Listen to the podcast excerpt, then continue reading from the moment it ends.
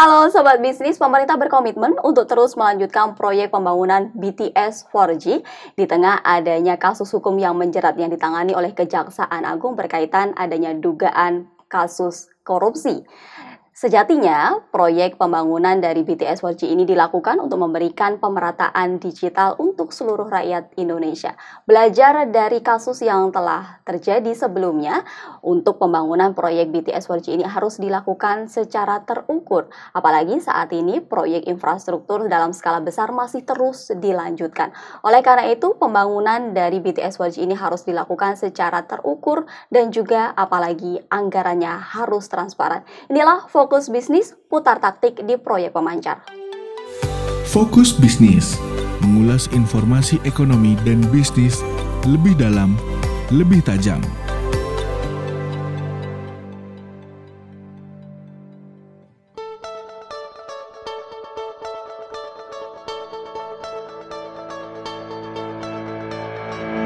Dan tentu saja kita akan membahasnya langsung bersama dengan Mbak Dwi dari Bisnis Indonesia. Apa kabar Mbak? Baik. Mbak, sebelum kita akan membahas berkaitan soal kasus yang saat ini sedang ditangani oleh Kejaksaan Agung berkaitan soal proyek ini hmm. ini, sebenarnya untuk perkembangan dari proyek pembangunan BTS 4G sendiri seperti apa sih? Oke, uh, dari laporan kita di bisnis itu kelanjutan proyeknya sebenarnya tidak terganggu sama sekali. Mungkin akhirnya harus ada penyesuaian ya, misalnya dari sisi administrasi dan dari sisi hukum setelah kasus ini sebagai antisipasi agar tidak ada lagi kasus yang bermasalah begitu. Hmm. Lantas dari evaluasi-evaluasi yang tentunya dilakukan oleh Kominfo setelah adanya kasus ini hmm. ataupun dari BPKP yang kemudian melakukan evaluasi, apa hasil evaluasi tersebut dari temuan bisnis Indonesia? Dari temuan terakhir semuanya masih berjalan ya karena tentunya perlu waktu ya untuk bisa melihat uh, apakah proyek-proyek yang sekarang berjalan sudah sesuai dengan administrasi dan regulasi khususnya apalagi dengan BPKP dan Kejagung yang melakukan pendampingan ya tentunya di situ ada hal-hal yang harus disesuaikan lagi bukan berarti yang ada itu belum sesuai cuman akhirnya uh, pengawasannya lebih gitu untuk proyek-proyek yang saat ini berjalan dari temuan yang dilakukan oleh uh, Kejagung sejauh ini dari proyek BTS 4G ini, apa saja Mbak kemudian temuan-temuan berkaitan soal kerugian negara ataupun adalah proyek uh, praktik proyeknya seperti apa? Oke, kalau dari sisi potensi kerugiannya disebutkan bahwa ada potensi kerugian lebih dari 8 triliun. Lalu ada juga uh, potensi pemborosan anggaran ya satu setengah triliun kurang lebih itu karena salah satu ada beberapa aspek ya karena geografis, terus juga potensi molornya proyek itu kan biasanya kalau proyeknya tidak sesuai uh, kerangka waktu yang ditetapkan itu kan penambahan biaya. Lalu ada juga dari sisi pemilihan lokasi yang sebenarnya tumpang tindih dengan lokasi-lokasi yang dipilih operator. Jadi uh, sebagai informasi aja ya Mbak, kalau misalnya biasanya tuh di Kementerian Komunikasi dan Informatika itu untuk pembangunan infrastruktur ada beberapa skema, ada KPBU kerjasama pemerintah dengan badan usaha dan ada juga yang menggunakan uh, eh, PNBP itu dari kontribusi operator telekomunikasi. Nah, kalau misalnya yang PNBP ini biasanya disisihkan untuk membangun BTS di lokasi terpencil yang secara bisnis kurang menarik. Jadi kan sebenarnya secara alami BTS itu akan terpasang. Cuma hanya di lokasi-lokasi yang secara bisnis menarik. Makanya operator ada di situ. Jadi uh, pemerintah perlu mengadakan skema lain bagaimana BTS ini bisa ada di lokasi-lokasi terpencil yang pada akhirnya mungkin setelah dalam jangka waktu tertentu mungkin akhirnya nanti juga uh, memenuhi skala bisnis operator sih.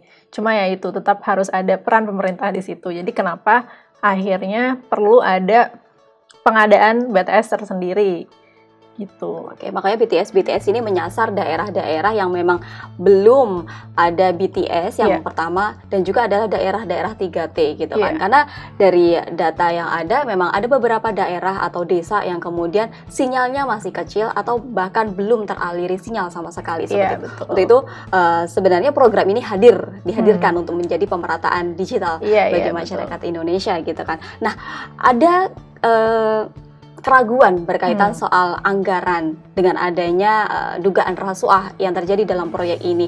Nah, apakah keraguan ini akan muncul jika kemudian proyek ini kemudian dilanjutkan?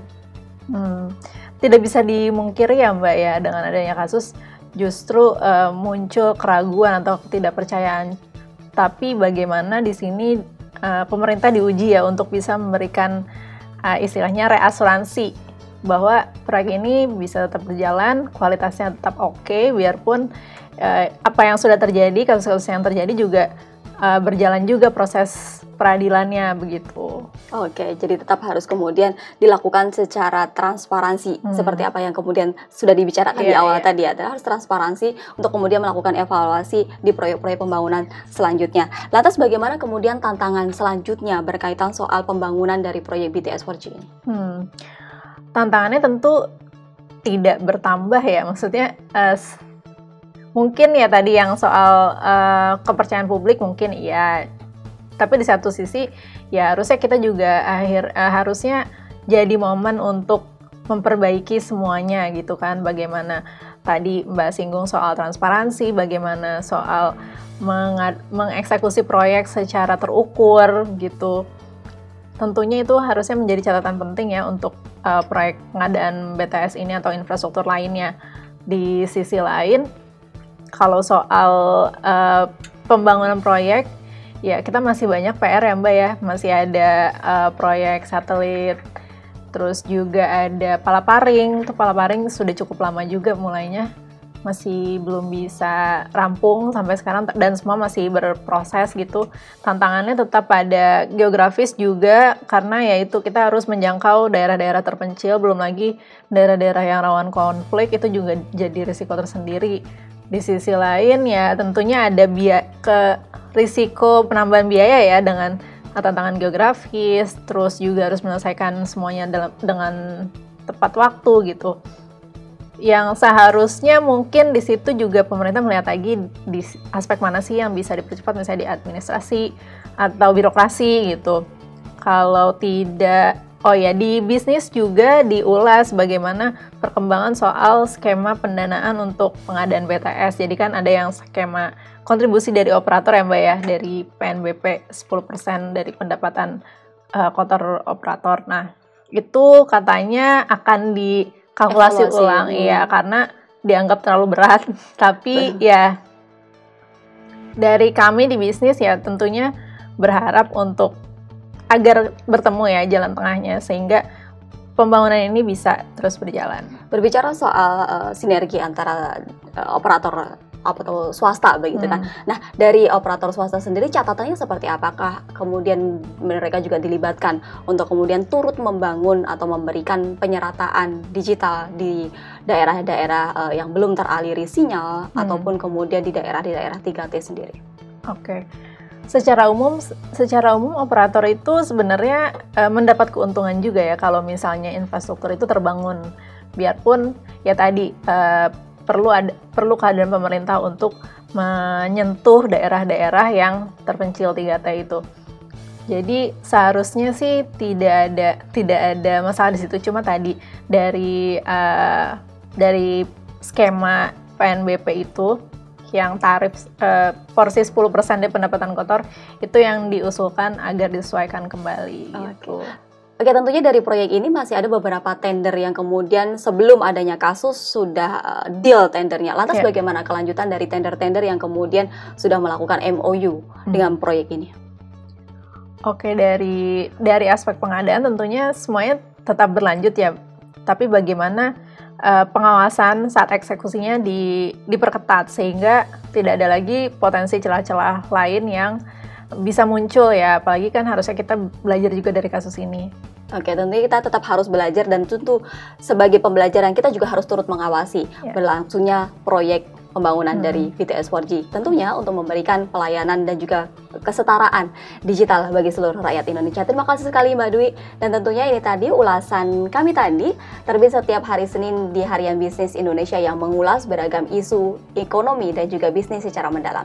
Sobat bisnis jangan lupa untuk berlangganan IPP. Sampai jumpa.